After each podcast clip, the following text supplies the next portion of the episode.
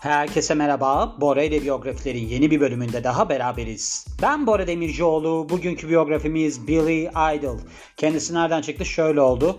Demin ben böyle sorunlarım olduğu zaman kulağıma kulaklık takarım. Müzik dinlerim. Olayım odur yani. Müzik dinlerim. Sürekli bir şeyler de okurum.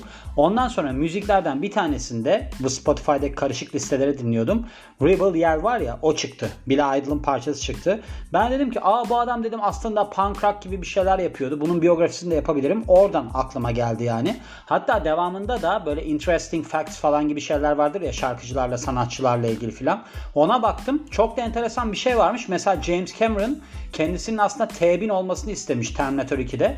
Ama o sıralarda bir motor kazası geçirdiği için hatta o okeylenmiş de ondan sonra motor kazası geçirmiş. Yerine o diğer aktör oynamış T-1000 rolünü. Öyle de bir durumu varmış yani. Bu arada ne alaka diyeceksiniz? Ben Terminator hastasıyımdır. Çok severim Terminator filmini. O yüzden bir de ben Billy Idol'da olsam mesela onunla ilgili acayip mutsuz olurdum. Hani öyle bir filmde oynayacakken bir motor kazası yüzünden oynayamazsam gerçekten deli olurdum. Yapacak bir şey yok. Billy Idol'da olsanız böyle şeyler başınıza gelebiliyor. Şimdi kısaca bir parantez içinde bölüm var. Onu söyleyelim. İngiliz Amerikalı şarkıcı diyor. Bu bir tane punk rock grubunun aslında lead vokaliymiş. Ben onunla alakalı hiçbir şey bilmiyordum. Generation X isminde ve İngiliz punk rock grubunda lead vokalmiş ve 30 Kasım 1955 doğumlu yani yay burcu oluyor. Stanmore, Middlesex, İngiltere doğumluymuş ve de Billy Idol'a böyle kısaca bir bakış atalım. Kendisi Generation X grubunun bir üyesi olarak üne kavuşuyor ve aslında doğum adı William Michael Albert Broad ve kendisine Billy Idol ismini alıyor müzik kariyerine başladığında. Bunun da çok enteresan bir durumu varmış. Bu Idol diyor ya soyadına. Hani Billy Idol olarak geçmiş ya. O şöyle akademik olarak herhangi bir eğilimi yok. Yani okulda okumayı sevmiyor. Tıpkı kim gibi? Tıpkı Bora Demircioğlu gibi. Bence okul bazı insanlar için hiç de uygun bir ortam değil. Bakın şöyle söyleyeyim. Mesela ben okulda, lisede, ortaokulda filan okuduk yani. Sonra devamında çok yakın olduğum kişiler vardı. Lise bitti. Bir daha hiçbirini aramadım. Hiç. Hani öyle şeyler vardır ya mesela liseden arkadaşıdır bilmem nedir. Benim hiç öyle kimse yok. O kadar nefret ediyordum ki okuldan da çevremden de bittiği gibi geçmişe bir sünger çektim ve devamında üniversiteye devam ettim. Sonra üniversite bitti ona da sünger çektim akademik kariyerle alakalı herhangi bir şey beni ilgilendirmiyor. Hiç hoşuma gitmiyor, hiç sevmiyorum. O yüzden ben bugün hatta bir tane Cici filmini izledim. Bu Berkun Oya'nın filmi var ya onu izledim. Orada da böyle sürekli bir geçmişe takılıp kalmış insanlar var. Mesela bu Noel Gallagher var ya Noel Gallagher. Onun bir sözü var. Ben geçmişe bağlanan, geçmişe saplanıp kalan insanlardan nefret ederim diye. Ben de aynen öyleyim. Ben de nefret ederim yani. Noel Gallagher da bu Oasis'in biliyorsunuz söz yazarı ve de aslında şarkı söyleyen de bir vokallikte yapan elemanı. İki kardeşti bunlar. Hatta ben diğerini yapmıştım yani.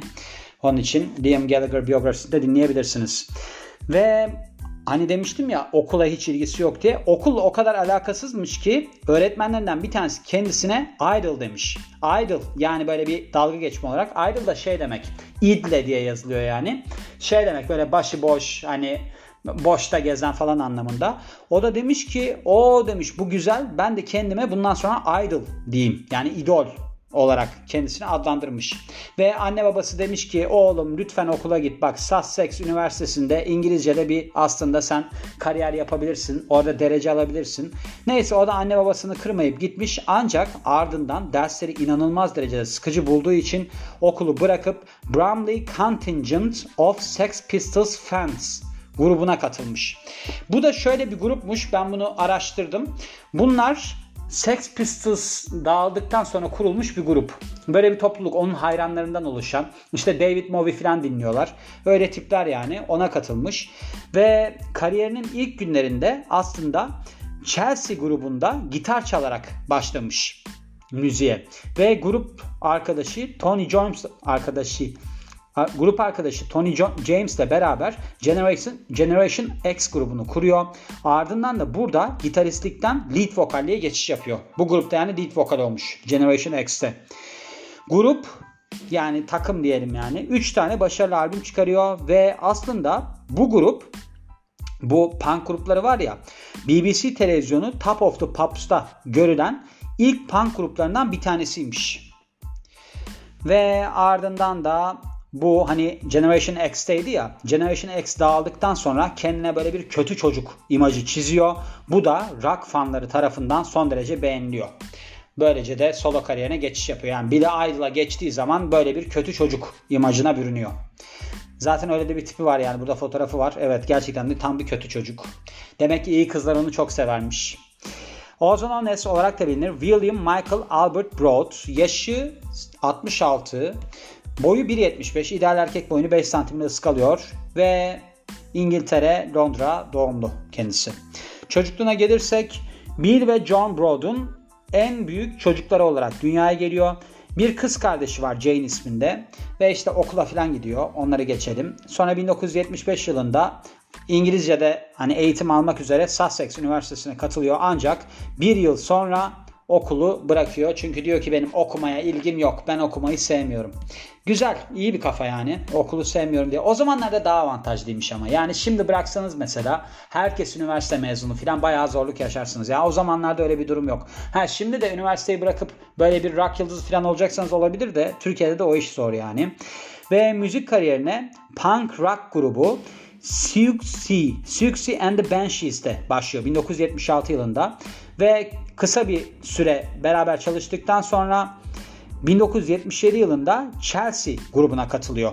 Burada da Tony James ile tanışıyor. Generation X grubunu beraber kuruyorlar ve burada lead vokal oluyor Billy Idol. Tony James burada bas çalıyormuş. John Tove ve Bob Andrews ise sırasıyla bateri ve de gitar çalıyormuş. Grubun ilk single'ı Your Generation 1977 yılında yayınlanıyor.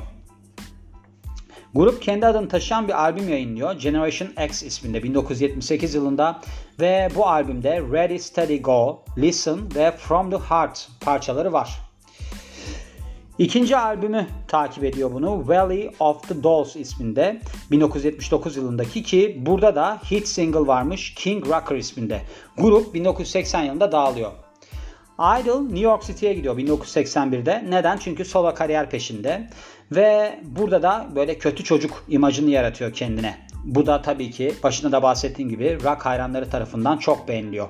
Kendine yeni bir partner buluyor. Steve Stevens isminde bu da gitar çalıyormuş. Extended Play yani EP yayınlıyor. 1981 yılında Don't Stop isminde. Bu Extended Play galiba 5 şarkıya kadar filan olan bir şeydi. Öyle hatırlıyorum. Bu galiba şey biliyor musunuz? Böyle küçük plaklar var. Bir de bunun biraz daha büyük olan normal plaklar var. O galiba EP oluyor. Geçenlerde bunun bir konusu oldu da ben hatta şey dedim. Benim amcam var müzisyen. O dedim plaklarda iki parça mı oluyordu? Yani önü var arkası var falan. O dedi ki eskiden küçük plak vardı. Onun bir tarafında bir parça öbür tarafında da B-side denilen hani böyle çok tutmayacak parça konulur denirdi.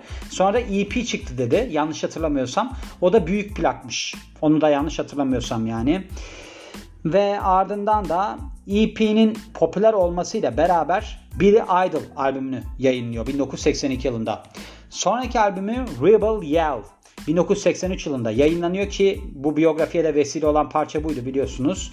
Burada Steve Stevens ve de Kate Forsey ile işbirliği yapıyor ve bunun sayesinde de son derece başarılı bir albüm ortaya çıkıyor. 4 tane single çıkmış bu albümden. Bunlardan hepsi yani bu parçaların hepsi de Billboard 100 listesine girmiş. 1986 yılında sonraki albümü Whiplash Smile çıkıyor. Burada da To Be A Lover, Sweet 16 ve Don't Need A Gun parçaları yer alıyor. Aynı zamanda bir video da çekmiş Sweet 16 parçası için. 90'lar boyunca sadece iki albüm yayınlıyor. Bunlar Charmed Life 90 yılındaki ve Cyberpunk 93 yılındaki. İkincisi aslında son derece yani Cyberpunk son derece böyle bir deneysel bir iş ve bir ev stüdyosunda kaydediliyor. Ancak bu albüm hiç tutmuyor. Son derece olumsuz eleştiriler alıyor.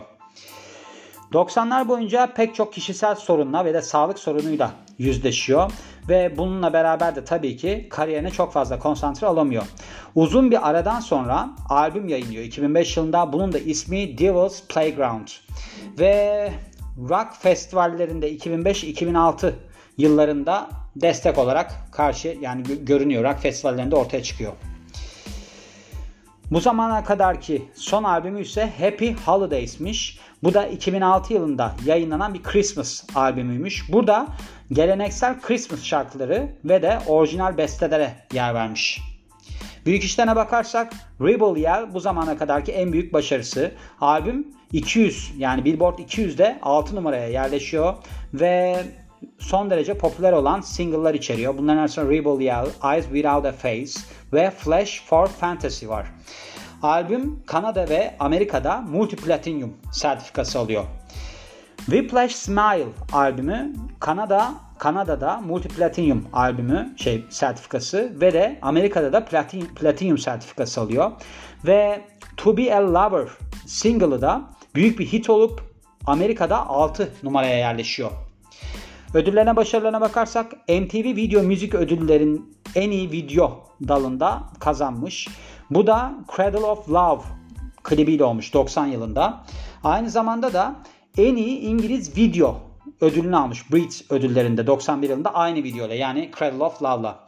Kişisel yaşamına bakarsak kendisi Perry Lister'la uzun süreli bir ilişki içindeymiş ki bu kadından bir oğlu var ve başka bir kadın olan Linda Mattis'le de ilişkisi varmış. Bundan da bir kızı varmış. Ivır zıvır kısmında da işte saçlarıyla ve de böyle bir sinsi gülümsemesiyle tanınır deniliyor. Hani böyle platinum sarı saçları var ya ondan bahsediyor yani. Şimdi bu adam böyle bir adam gördüğünüz gibi ama ben burada bırakmadım bunu. Bununla alakalı bu adamın hani o Terminator olayı gibi şey de varmış. Mesela çok aslında ailesine çok düşkün bir adammış. Yani ben böyle bir adam çıkacağını düşünmemiştim burada. Hani bu adamlar genellikle nasıl oluyorlar? İşte uyuşturucuya düşüyorlar, bir şeyler yapıyorlar. Ama bu adam bayağı hani o açıdan düzgün. Şimdi şöyle 1994 yılında Los Angeles'taki bir gece kulübünün dışında bir uyuşturucu sebebiyle overdose oluyor. Bunun adı da GHB'ymiş. GHB yani. Bu o sıralarda ağırlık kaldıranların çoğunlukla kullandığı legal bir uyuşturucuymuş. Ve bu olayın ardından demiş ki bir de Idol bunu çocuklarım hatırladıklarında beni asla affetmeyecekler. O yüzden ben daha fazla babalığa odaklanmalıyım. Ve bununla beraber de hiçbir zaman uyuşturucu kullanmamış bir daha ve bu alışkanlığını da kontrol altına almış. Şöyle diyormuş ben ilk Mariana'mı 12 yaşındayken içtim ve ilk asidimi de 13 yaşındayken attım ağzıma demiş. Öyle de bir durumu varmış yani. Gördüğünüz gibi yani insanların görünüşleri çok da önemli olmuyor. Nasıl önemli olmuyor? Adamın tipine baktığınız zaman diyorsunuz ki yok ya bundan hiç hayırlı bir şey çıkmaz ama böyle çocukları için aslında çok pişmanlık duyup ardından da bir şeyler yapmaya çalışmış bir insan. Mesela şeyde de yer almış. Bu Adam Sandler'ın 98 yılındaki filmi The Wedding Singer'da da yer almış. Bu da cameo görünüşü olmuş. Yani kendisini oynamış anladığım kadarıyla. Böyle de bir durumu var. Bir de The Doors filminde Oliver Stone'un yönettiği küçük bir rolde yer almış. Böyle Jim Morrison'ın içtiği bir tipi canlandırmış Cat isminde. Ve devamında başka bir şey var mı diye bakarsak başka da bir şey yok. Evet gördüğünüz gibi böyle bir insan hoşuma gitti. Yani ben böyle punk rock falan olaylarını seviyorum. Bununla beraber eğitim sistemine karşı olan insanları da seviyorum. Neden? Çünkü hani şimdi tamam ben master falan yaptım da ben zorla yaptım. Yani kendimi zorladım ve bu eğitim sınıflarında yani aşamalarında ben sadece master sevdim. Neden master sevdim? Çünkü beni orada özgür bıraktılar. Eğer ki beni özgür bırakmazlarsa hiçbir şey olmuyor benden. Yani insanların da öyle olması lazım bence. Yani bu mesela ilişkilerde de böyledir. İlişkide bir insana baskı yapın, istediğinizi yapın. Eğer ki o ilişkiye uygun birisi değilse, sizin kafanızda birisi değilse asla olmayacaktır. Neden? Çünkü onun başka bir dünya görüşü var. O oradan gidecek yani. Onun için herkes bence kendine uygun bir şey benimsemeli. Fakat eğitimde böyle olmuyor. Eğitimde belli eğitimleri mecburen görmek zorundasınız. Hani şeyin lafı var ya George Bernard Shaw'un eğitimime okul yüzünden bir süre ara verdim diye. Ben de o kafadanım diyorum ve bu biyografinin de sonuna geliyorum. Beni dinlediğiniz için çok teşekkür ederim. Ben Bora Demircioğlu. Yeni biyografide görüşmek üzere. Hoşçakalın.